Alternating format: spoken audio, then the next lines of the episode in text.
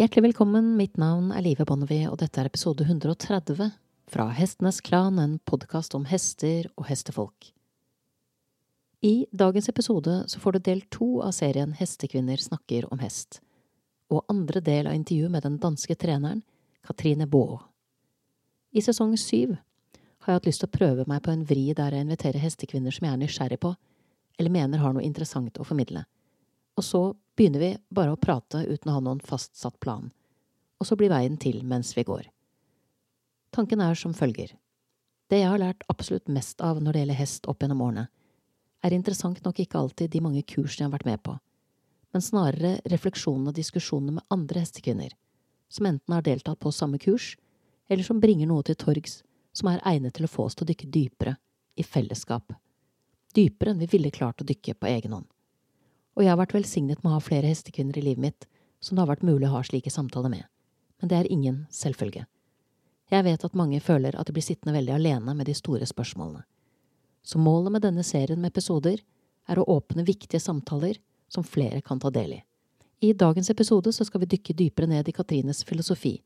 Vi snakker blant annet om viktigheten av tilstedeværelse, og hvordan man kan kommunisere med blinde hester.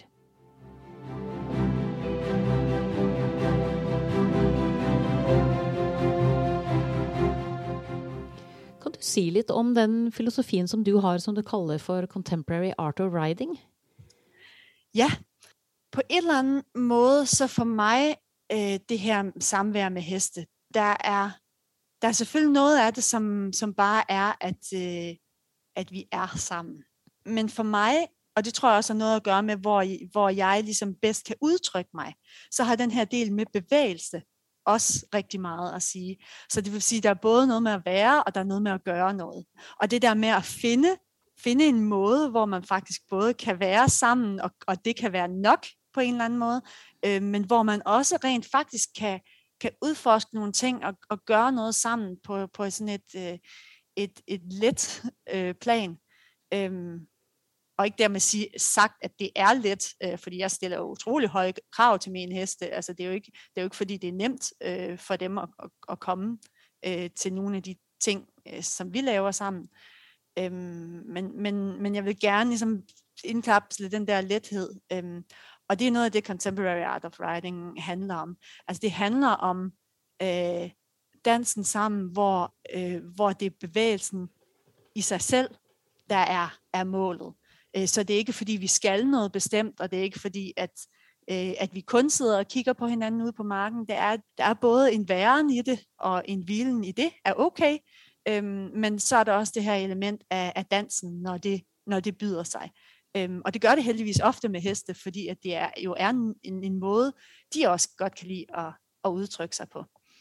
Og øh, altså, jeg har øh, i mange år været meget hvad sige, øh, både fascineret af og også draget af det her med øh, contemporary dance og, og, og den her sådan lidt mere, godt nok egentlig meget det her meget klassiske, stringente ophav, men, den, men i en mere fri øh, udtryksform. Så det er jo på, på en eller anden måde øh, lidt nogle af de elementer, som jeg ser i det. Øhm, og for mange at se, øh, så er det nok noget sådan lidt, lidt luftigt noget, og lidt øh, filosofisk øh, sige, aspekt. Men det handler lidt om også at give det et kropsligt øh, udtryk, og få det lidt ned på jorden, hvor det i princippet, det handler om, at der er noget væren, det handler om, at der er noget gøren, og så handler det om at finde en balance imellem de, de ting. Ligesom at det handler om, at selvfølgelig er der en masse struktur i det, jeg laver. Der er rigtig meget struktur i det, men der er også en masse frihed i det. Og, og, og balancen imellem nogle af de her ting, synes jeg jo er øh, enormt interessant i sammenhæng med heste. Fordi de ser det ikke som enten eller. Altså, de, de ser det meget mere som både og. Og øh, i en hesteflok er der jo rigtig, rigtig meget struktur, og, og som kan være interessant at, at observere. Og det er jo også der, hvor ornitologen i mig kommer, kommer til udtryk, ikke også? Hvor, hvor at den interageren, øh, som de har med hinanden, øh, og at de ikke altid vælger mig til, men at jeg også bare får lov til at, øh, at indgå og være lidt fluen på væggen nogle gange, øh, det kan give nogle lidt nogle, nogle gange lidt dybere møder, når man så bliver valgt, hvis det giver mening. Altså fordi, at, at man er der lidt øh, i nogle situationer, som, hvor de simpelthen er meget, meget åbne, og de er ikke i en forventning af, at nu vil jeg noget med dem. Og, øh, og der synes jeg også, at man kommer til at tænke rigtig meget over, altså det her med frihed, at der er rigtig mange, der sigter imod, i hvert fald folk, som arbejder med, med sådan lidt alternativ man sige, del af, af hesteverdenen, som, som har det rigtig meget der, som et mål, det her med frihed. Og øh, altså, det, det, der har vi nogle gange lidt en, en meget moderne forståelse af det med at være fri, synes jeg. Øh, at man ligesom gerne vil være altså fri. Man vil gerne frigøre sig fra et eller andet, sådan at man bare kan køre sit eget show. Men altså fri i sin sådan, altså i sin grundbestanddel, det kommer jo faktisk af noget andet. Altså det kommer af frende, øh, friend øh, på engelsk. Øh, det her med at, at kunne være beskyttet af en klan eller af en, øh, en, en gruppe af, af mennesker. Og hvis man så var en frænde, jamen så, var man, så kunne man betegne sig som fri. Og det havde jo ikke noget at gøre med, at man så gik ud af sin egen sti, øh, ud i horisonten. Det havde meget mere, og det var ikke en, en selvrealisering på den måde, som vi ser det i dag. Det var meget mere, at fordi der er nogen, der har din ryg, så er du fri til nogle ting. Så det er ikke så meget med at være fri fra nogle ting, og frigøre sig fra al struktur og, og, og være meget individualistisk. Jeg ser det meget mere som, at man jeg synes næsten ikke, jeg kan føle mig mere tryg, end når jeg står i en hesteflok, eller jeg ligger sammen med, nu har vi lige haft valpe her i sommer, når man ligger sådan sammen med de der valpe og, og morhunden der. Altså det er næsten det mest trygge, man kan føle sig, men der er jo også en enorm frihed i det. Og det er den form for frihed, øh, som, som jeg føler, at vi kan mødes i. Veldig interessant, synes jeg, dette med frihet og struktur. Ja. For det er jo noe med at uh, man får også gjort mer hvis man har litt struktur på ting, enn hvis ting bare flyter. Så jeg, hvis man ser på naturen, så er det ikke så mye som bare flyter der. Det meste har en rytme, en puls, et mønster, et system.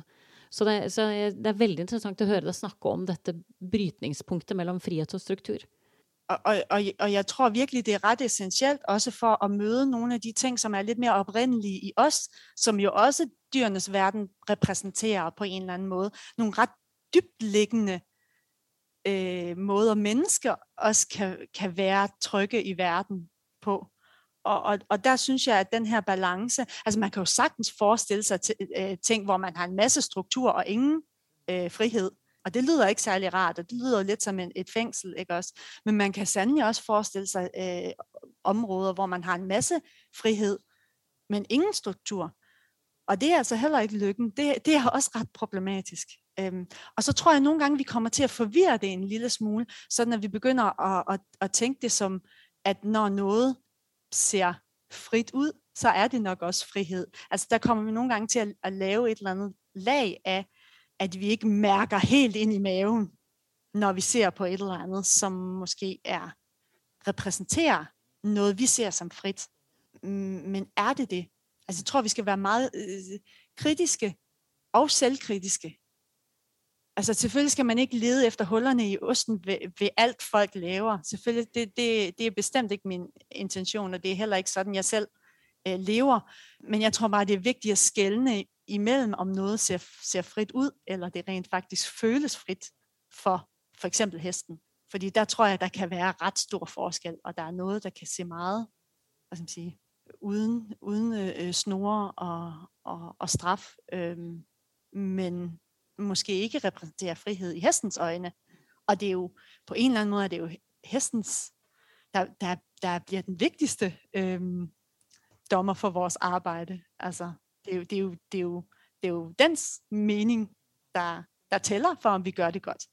Øhm, så kan det være lige meget, hvad alle de andre synes, øh, hvis hesten øh, ikke føler sig stærk, eller føler sig stolt, eller føler sig fri. Stærk, stolt og fri. ja. Det er jo, jeg tænker jo, at det er jo det, man ønsker, at hesten skal få lov at være.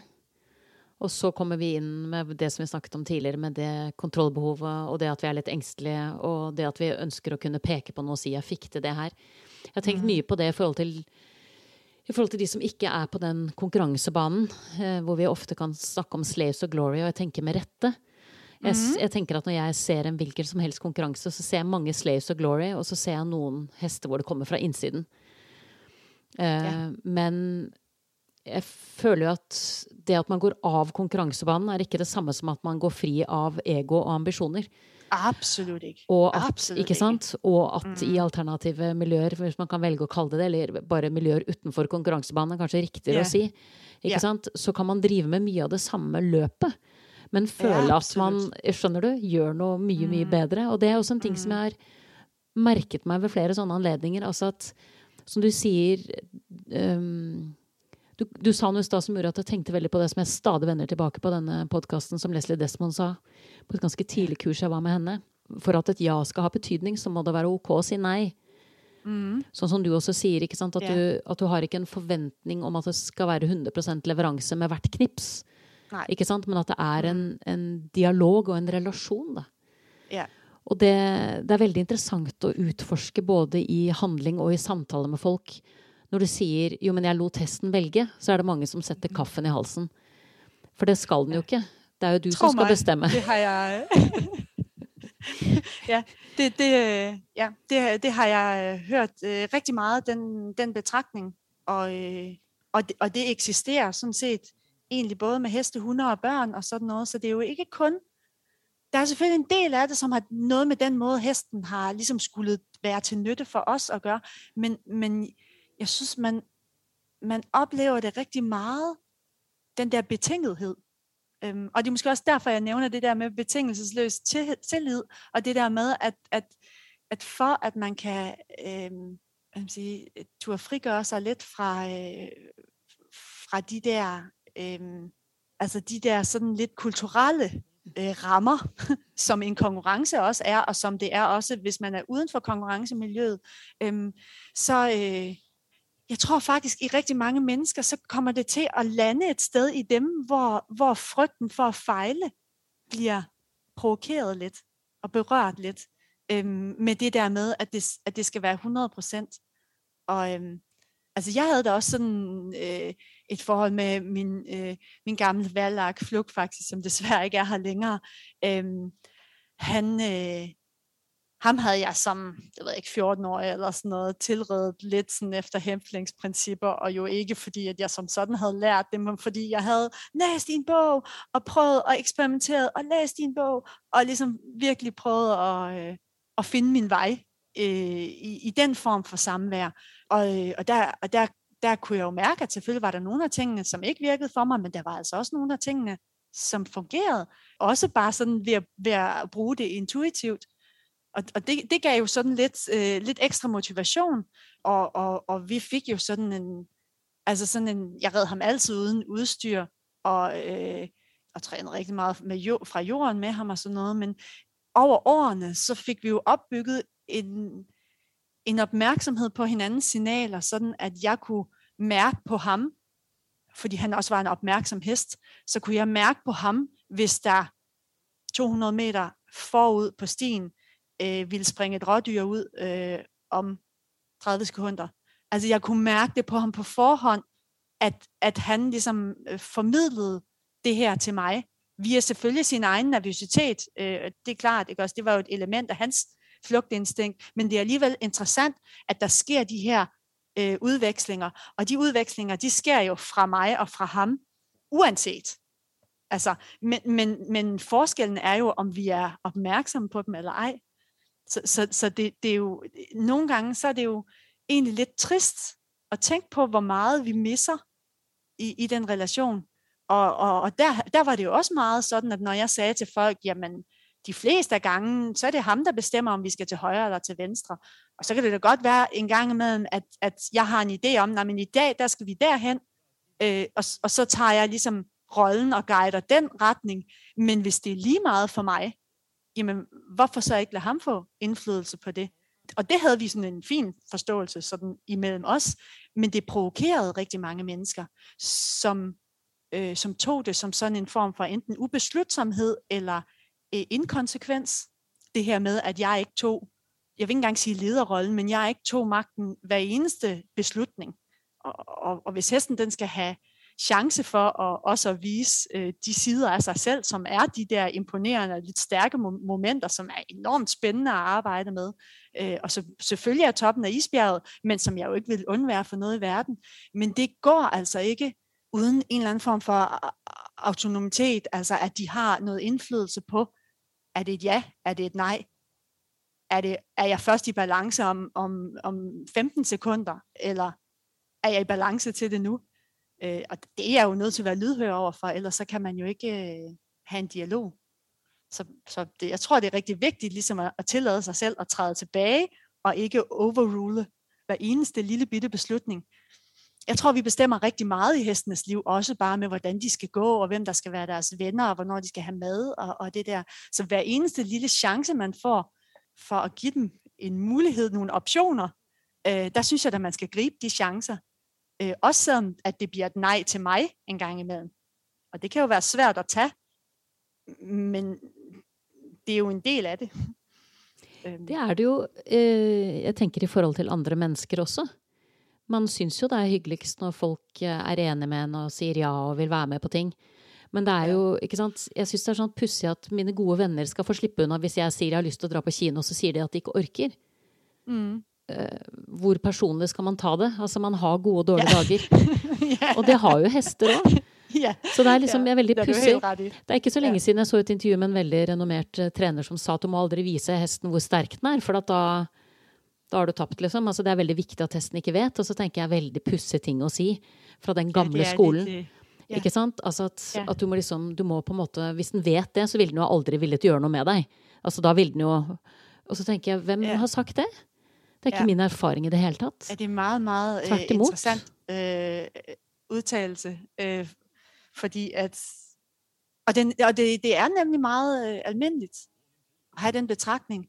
Um, og, og jeg tror simpelthen ikke, jeg vil føle mig sikker, hvis, hvis mit mål var at, at gøre hesten så lille som muligt. Jamen, hvordan skulle jeg så have den her betingelsesløse tillid? Og til, at, at jeg kunne udforske altså bare begynde at udforske og, og ride uden udstyr. Altså jeg ved da godt, at det vil ikke øh, fungere prima hver eneste gang, men jeg er jo nødt til at have tillid til, at hesten passer på mig i den situation. Øh, og det gør de også nærmest altid. Øh, men hvis ikke jeg, jeg våger det, og hvis ikke jeg tør vise hesten, prøv lige at se, hvor stærk du er, hvor mange ting du kan, og, og prøve at løfte den op, øh, og, og styrke selvtilliden, jamen så har jeg jo faktisk en ret øh, usikker situation og, og, og så kan jeg måske egentlig godt forstå et eller andet sted, at man så tænker, uha nej, den situation er for farlig, hvis der er øh, muligheden at sige nej. Men det er bare en rigtig, rigtig farlig vej at gå ned af. Det ville det jo også være i en menneskelig relation og vi forstår det, ligesom, ligesom du siger, med vores venner. Vi forstår ligesom øh, øh, godt, at jamen, okay, der kan godt være, når der er en, der ikke har lyst til at tage i biografen. Det betyder ikke, at vi ikke skal være venner mere. Men der bliver det ligesom meget mere, øhm, det er ligesom om, der er rigtig meget på spil med heste. Jeg har ikke helt fundet ud af præcis, hvad, hvad det er, der gør det, men, men det, det er meget følsomt, tror jeg, for mennesker at blive fravalgt af en hest interessant, ikke? Altså, ja, veldig. Jeg hadde håpet at du var nærmere fasiten enn meg. For jeg syns også det er veldig interessant, men jeg tror, jeg tror kanskje det handler om at uh, avvisningen fra en hest uh, Når hesten er så ren, så, så, blir kanskje den avvisningen mer alvorlig. Den gjør meg kanskje mer skitten enn hvis du ikke har lyst til å dra på kino, hvis du skjønner. Altså at jeg, at jeg føler at den avvisningen rammer meg hardere og dypere inn i mitt indre, på et vis. Ja. Ja. Ikke sant? I kraft av at hesten er den den er. Men, men, det er bare en gjett, altså. Ja, ja. det er veldig interessant. Men, men, det er jo, men, det er jo, meget interessant, hvis, øhm, hvis hunden går sin vej, og så øh, og siger, at jeg gider dig ikke lige nu, og så øh, går den lige ind i, hen i sin kurv, og så kommer den tilbage lidt senere. Eller hvis katten gør det, så oplever jeg ikke, at mennesket står tilbage helt så fortabt, Øhm, og måske med hunden er det fordi, at, at de er så meget, øh, hvad skal jeg sige, de, de, der er du så meget en del af deres flok, at som regel så, så går der jo ikke ret lang tid, og så vælger de, de det sociale til igen. Men en kat gør det jo ikke nødvendigvis, og, og der, altså, det, det der med ligesom at, at, at sætte det fri, det, øhm, jeg kan i hvert fald se på mange elever og sådan noget, at, at det er meget svært ikke at blive lidt slukøret. Det hedder ja. det på dansk. Ja, slukøret. Ja. Jeg siger det på norsk også. ja, okay. Ja, man bliver det.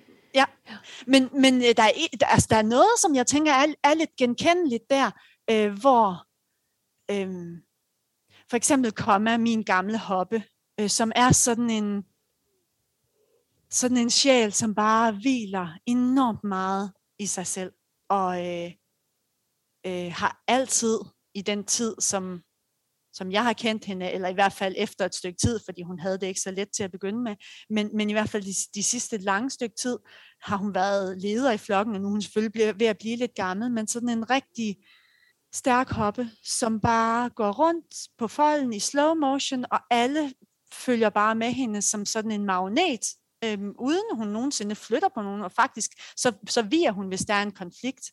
Øh, og, og så gør hun det nogle dage, og så lige pludselig, så jagter man, og så, så går hun ind og tager ansvar igen. Øhm, og det, det der med ligesom at tjene flokken på den måde, som hun gør, og, og frihed i den sådan mere oprindelige betragtning. Og der kan jeg da godt huske en tid, hvor at jeg undrede mig meget over, at, at hun havde meget sådan det her med, at hun gik hen imod en, og så vendte hun sig væk, og så gik hun sådan i sin egen retning. Og, og der kunne jeg godt øh, komme, eller det, det kan jeg huske på et tidspunkt, hvor jeg på en eller anden måde, tror jeg misforstod det lidt, og, og, og, og det gav et lille stik i hjertet. Men så var det faktisk meget interessant, fordi så på et tidspunkt, så begyndte, jeg, så begyndte jeg lidt at tænke, hvad handler det her egentlig om?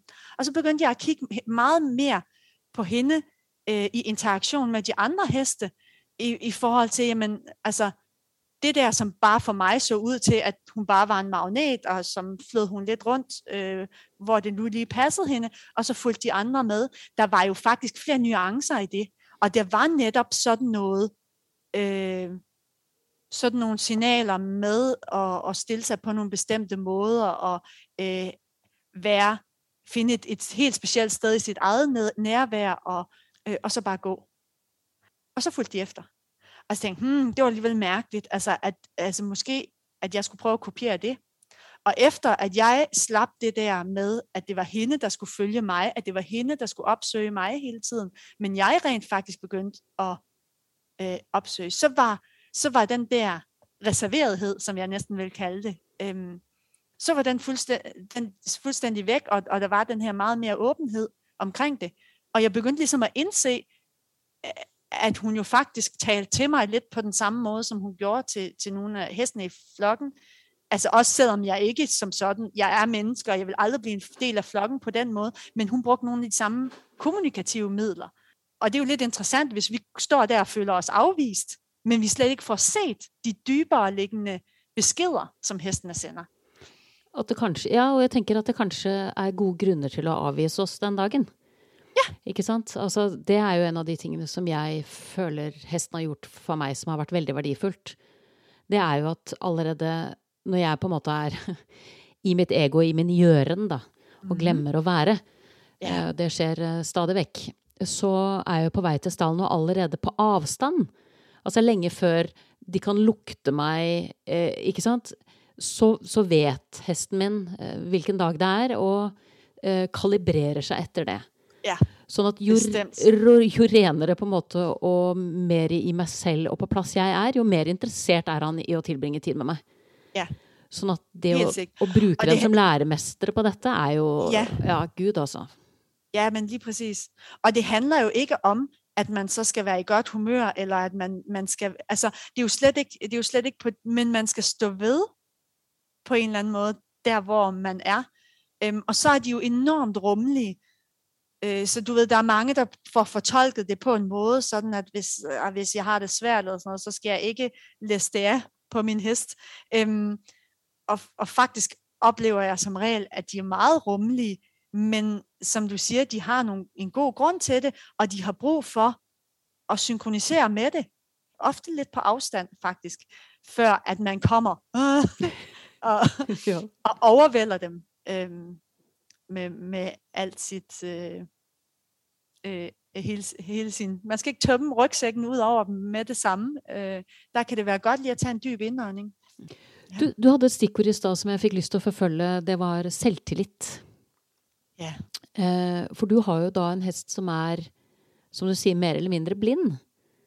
Ja. Og som da går sammen med en flokk. Ja.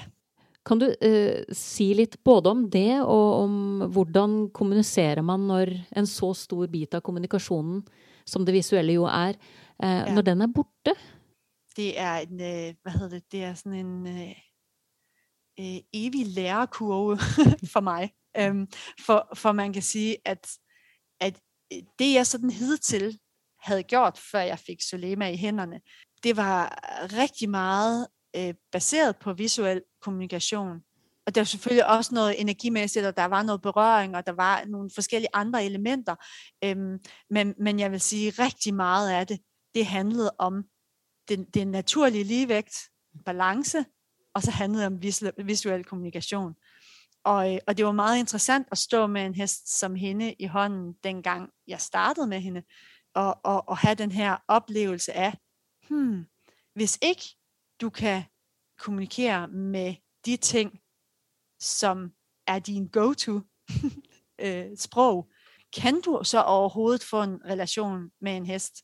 Øhm, og, og, og, det var, og det var pinedød nødvendigt øh, på det tidspunkt, fordi man kunne ikke bare lade hende gå på en fold, og så ligesom øh, langsomt lade hende vende sig øh, øh, til tingene og sådan noget, fordi at, at hun, altså jeg har haft andre øh, blinde heste i, i hænderne igennem tiden, men de har, de har været forsigtige. Altså de har simpelthen været meget forsigtige i, hvor de har bragt deres egen øh, krop hen. Øh, hvor Sulema, hun var helt anderledes. Altså hun øh, galopperede indtil hun ramte noget.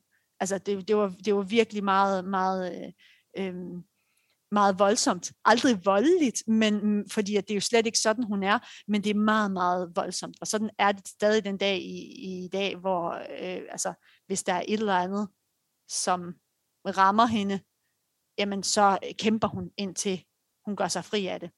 Så hvis hun, hvis hun løber gennem hegnet, så er det ikke bare sådan et sted, hvor hun løber igennem hegnet, så er det en hel side med alle pæle øhm, revet op. Så det er sådan, altså bare sådan for at forklare, hvor, hvor dramatisk hun var.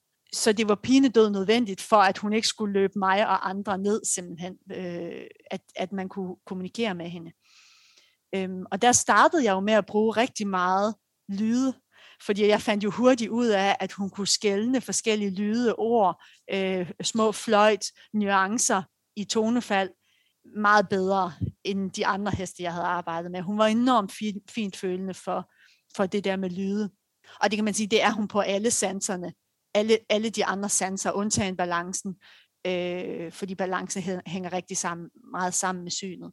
Så, så, så hele den der øh, situation af, at man fandt en, en anden sans, man så kunne bruge til at kommunikere med, øh, den har jeg jo så efterhånden også fået bredt lidt ud på de andre øh, sanser. Men det var lydene, det startede med. Og jeg havde alle mulige forskellige små klik og fløjt, som betød højre, venstre, tættere på, længere væk. Nu skal du vende rundt, nu skal du skifte volde, nu går det opad, nu går det nedad, nu skal du passe på. Øhm, og, og der var små øh, lyde øh, for det hele. Øhm, og, og, og, og sådan startede det egentlig med, at der overhovedet kunne være hvad skal man sige, en eller anden form for bare praktisk at dirigere hende på en måde, som hun kunne være i verden. Og, og, øh, og, og det er jo sådan lige så stille, hvad kan man sige, øh, det er jo ligesom blevet grundlag for at finde en anden måde. Og det var jo ret interessant at blive kastet ud i den situation, at hvis du ikke kan bruge det, du plejer, hvad gør du så? Hvis ikke du kunne tale, kunne du så være sammen med ens mand eller ens børn? Eller, altså, øhm, det der med faktisk at, at kaste sig selv ud i sådan en udfordring der, det, det må jeg sige, det har jeg lært rigtig meget af, men det har selvfølgelig også været svært til tider, øhm, fordi at, at det netop er svært at bedømme det etiske i det. Altså, hvornår nok nok? Øh, hvad er fair? Hvor meget kan man forvente, øh, hvor meget kan man håbe, at det løser sig. Altså til at begynde med vidste jeg jo ikke, om hun kunne gå på en fold, eller hun kunne øh, gå sammen med andre heste. Hun var jo vokset op i en, i en boks 3 gange 3 meter, og, og, og det var det. Det var den verden, hun, øh, hun kendte til. Så det der med at have en hest, som er vokset op uden social kontakt med andre heste og uden fri bevægelse. Det ser man virkelig, hvad det gør ved en hestes psyke og en hestekrop, og, og, og, og ting, som hun stadigvæk øh, døjer med den dag i dag. Men, øh, ja, men, men hun fandt en måde at være sammen med andre heste på, og hun, øh, og hun fandt en måde at, øh, at være i et eller andet miljø, så hun trods alt kan navigere. Øhm, og hun fandt en måde at være sammen med mig på os, og det er jo nogle gange mere hendes fortjeneste end min, øh, kan man sige. Øh, men øh, men det, det, har, det har været lidt af en rejse. Øhm, og man kan sige sådan det her med, og bare det der med at forstå, at hun kan mærke berøring, uden at jeg rører ved hende. Altså øh, øh, energi, eller hvad man skal, hvad man skal kalde det, ikke også? At man ligesom kan, kan kommunikere med hendes boble, øh, og, og på en eller anden måde gøre sig forståelig der. Altså hvor det er sansen berøring, man arbejder med, men det ikke nødvendigvis er, at man rører hinanden. Øh, altså bare det er jo meget øjenåbne, at man ikke netop behøver øjnene til det. Du har nettopp hørt andre del av intervjuet med Katrine Baa, og episode 130 fra Hestenes Klan, en podkast om hester og hestefolk. Tredje og siste del av dette intervjuet kommer mandag om to uker. Og da skal vi blant annet snakke om viktigheten av å formulere sin egen code of ethics, så man blir mer bevisst på hva et etisk hestehold er, og ikke minst at man vet hvor man står. Da gjenstår det bare for meg å takke min faste komponist Fredrik Blom, min gjest Katrine Baa, og sist, men ikke minst vil jeg takke deg, kjære lytter, for tålmodigheten. Måtte hesten for alltid være med deg.